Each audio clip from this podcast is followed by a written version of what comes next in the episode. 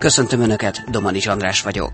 Hamarosan eljutunk majd oda, hogy az ismert szlogen kérdezze meg házi orvosát gyógyszerészét kiegészül azzal, hogy kérdezze meg személyi genetikusát is. Eljutunk majd odáig, hogy rutin lesz először meghatározni a teljes génállományt, és akkor az ott levő információ alapján lehet majd személyre szabottan kezelést választani. Idegrendszeri betegségek gyógyításában segíthet majd a későbbiekben Osumi Yoshinori alapkutatása, amiért a japán tudósnak odaítélték az orvosi Nobel-díjat. Autofágia azt jelenti, hogy a sejt saját magának a megevése bizonyos mértékben ugye egy tápanyag forrásként fordul akkor a szervezet a saját sejtjeihez. Három brit tudós kapta megosztva a fizikai Nobel-díjat az anyag topologikus fázisaival és a topologikus fázisátmenetekkel kapcsolatos elméleti felfedezésért. Ezért volt ilyen nagy húha, ezért ilyen érdekes ez a topologikus átalakulás, mert eltér a fázis átalakulások hagyományos osztályozásától, amihez a, a fizikusok hozzászoktak az elmúlt mondjuk 100-150 évben. Hamarosan szót ejtünk majd a Nobel-díjasokról is, de előtte még arról, hogy a daganatok keletkezésének és a kezelésekre kialakuló ellenállásnak új mechanizmusait tárták fel a Magyar Tudományos Akadémia és az Ötvös Lórán Tudományegyetem fiatal kutatói.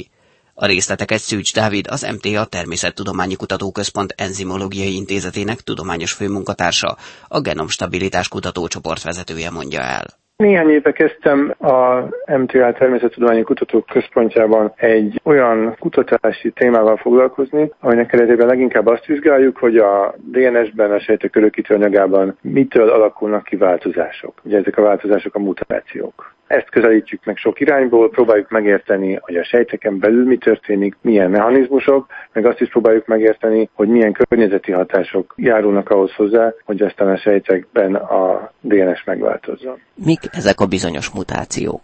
Mutációkat úgy kell elképzelni, hogy az ember génállománya körülbelül 3 milliárd bázisból áll, ezek a bázisok, ezek ilyen kémiai egységek, amik információt hordoznak, és összesen négyféle lehet. Ez nagyon hasonló, mint egy computer kód, csak négyféle betű van, G, A, T és C betű, ezekből van 3 milliárd sorban, és ez teljesen meghatározza azt, hogy a sejtjeink hogyan működnek, milyen fehérjéket termelnek, és akkor ezáltal nagyjából egyedek közötti különbséget is meghatározza.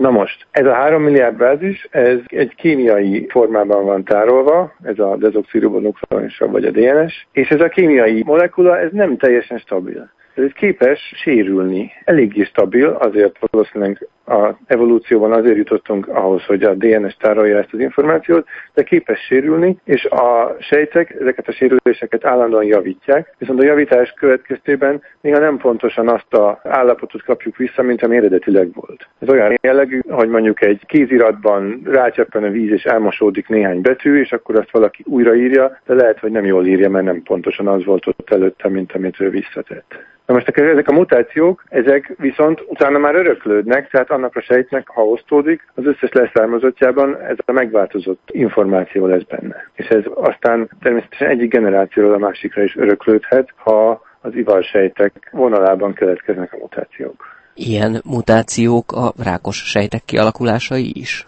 Igen, igen. Ez nagyon érdekes. Leginkább a rák vonatkozásában tudjuk ezt vizsgálni, és leginkább ezért is releváns a kutatásunk a társadalom számára. Tehát a rák az lényegében a DNS betegsége. A rákos sejtek pontosan úgy különböznek a normál sejtektől, hogy a génállományukban változások léptek fel. A daganat az mindig egy sejtből származik. Egy sejt romlott el annyira, hogy el tudott kezdeni kontrollálatlanul, tehát szabályozatlanul szaporodni, és ezért meg tudjuk vizsgálni az összes sejtnek a génállományát, amely ennek az egynek az utóda, és így akkor ki lehet következtetni, hogy milyen változások indították el a daganatos folyamatot. Ezt sokan vizsgálják a világon, mi is ezt vizsgáljuk. Mi elsősorban nem a humán daganat mintákon keresztül, hanem modellezni próbáljuk ezt tenyésztett sejtekben. Tehát olyan tenyésztett sejteket állítunk elő, amelyek bizonyos tulajdonságaikban a daganatokkal egyeznek, és akkor itt tudjuk vizsgálni, hogy melyik génmutációnak milyen hatása van, és ezek hogyan alakulhattak ki. Hova vezetnek ezek a modellezések? Mit tudhatunk ebből meg? Hát az egyik, amit érdemes vizsgálni, és amit mi is néztünk, hogy a daganatok kialakulásának mennyire van örökletes eredete. Tehát ez egy nagyon érdekes kérdés. Vannak olyan génhibák, amelyek családokban öröklődnek, és láthatólag növelik a daganatok kialakulásának a valószínűségét. Jó pár ilyen már ismert hosszabb ideje, újabbakat pedig még most fedeznek fel, viszont sokszor nem érthető, hogy az a génhiba az miért emeli a daganat kialakulásának valószínűségét. Mi ezt meg tudtuk modellben vizsgálni, tehát ugyanazt a génhibát, amit megtaláltak betegekben, azt ide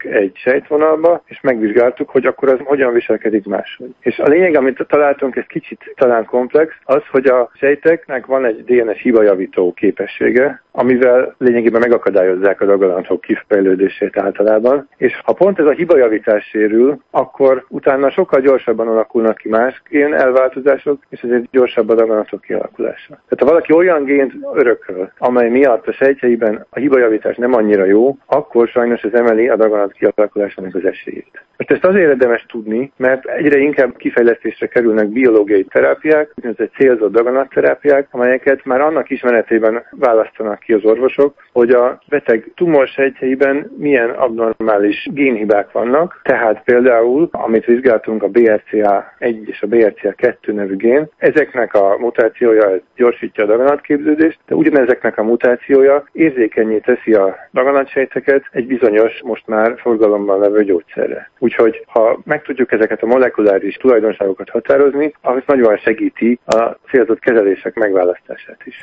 Mostanában a leggyakrabban a kemoterápiát alkalmazzák daganatos betegségek kezelésére. Vizsgálták-e azt, hogy ennek milyen hatása van a sejtekre? Igen, igen, a kemoterápia az nagyon sok daganatra nagyon jó hatást tud elérni, de ott is érdemes azt vizsgálni, hogy mennyire lehet megkülönböztetni az egyik és a másik daganatra milyen hatást tud elérni, mert ez jól látható, hogy külön betegek máshogy reagálnak. Megint én ezt csak az irodalom alapján mondom, én nem onkológus vagyok, hanem természettudós, de próbálunk onkológusokkal együtt dolgozni, hogy ezt jobban megértsük. Tehát a kemoterápia esetében azt is érdemes vizsgálni, hogy a tumornak milyen molekuláris tulajdonságai jósolják meg azt, hogy jó lesz a hatás, vagy hogy nem lesz jó a hatás. Meg azt is érdemes vizsgálni, amit a most közölt kutatásaink másik felében végeztünk, lényegében, hogy milyen mellékhatásai vannak a kemoterápiának. A rövid távúakat a legtöbben ismerik, de itt a hosszú távú mellékhatásokra koncentráltunk, hogy a kemoterápiák maguk is okoznak-e további mutációkat, további génhibákat.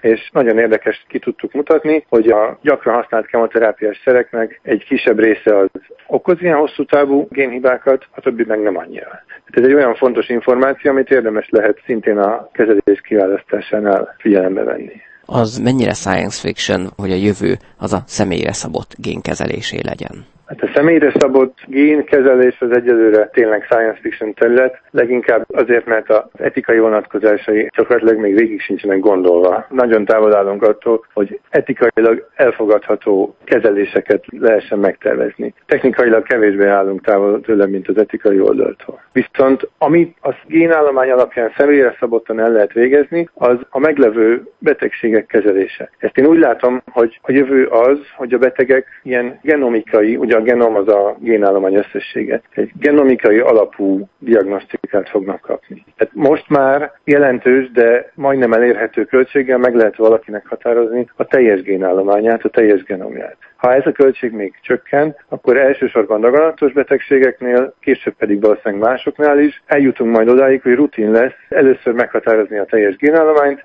és akkor az ott levő információ alapján lehet majd személyre szabottan kezelést választani. Ez mennyire egyéni kutatómunka, vagy csapatkutató munka, illetve mekkora összefogás van ebben, akár országos, akár nemzetközi szinten?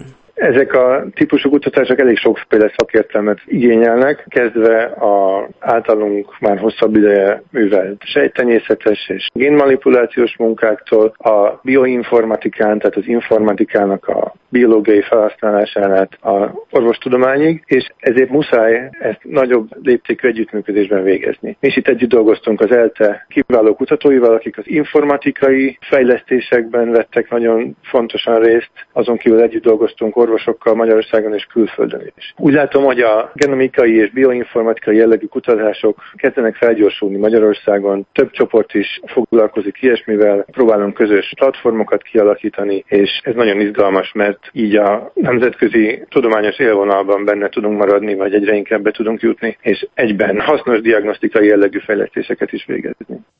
Stigma. A holnap világa. Tudomány első kézből. Most hírek következnek, hamarosan visszajövünk.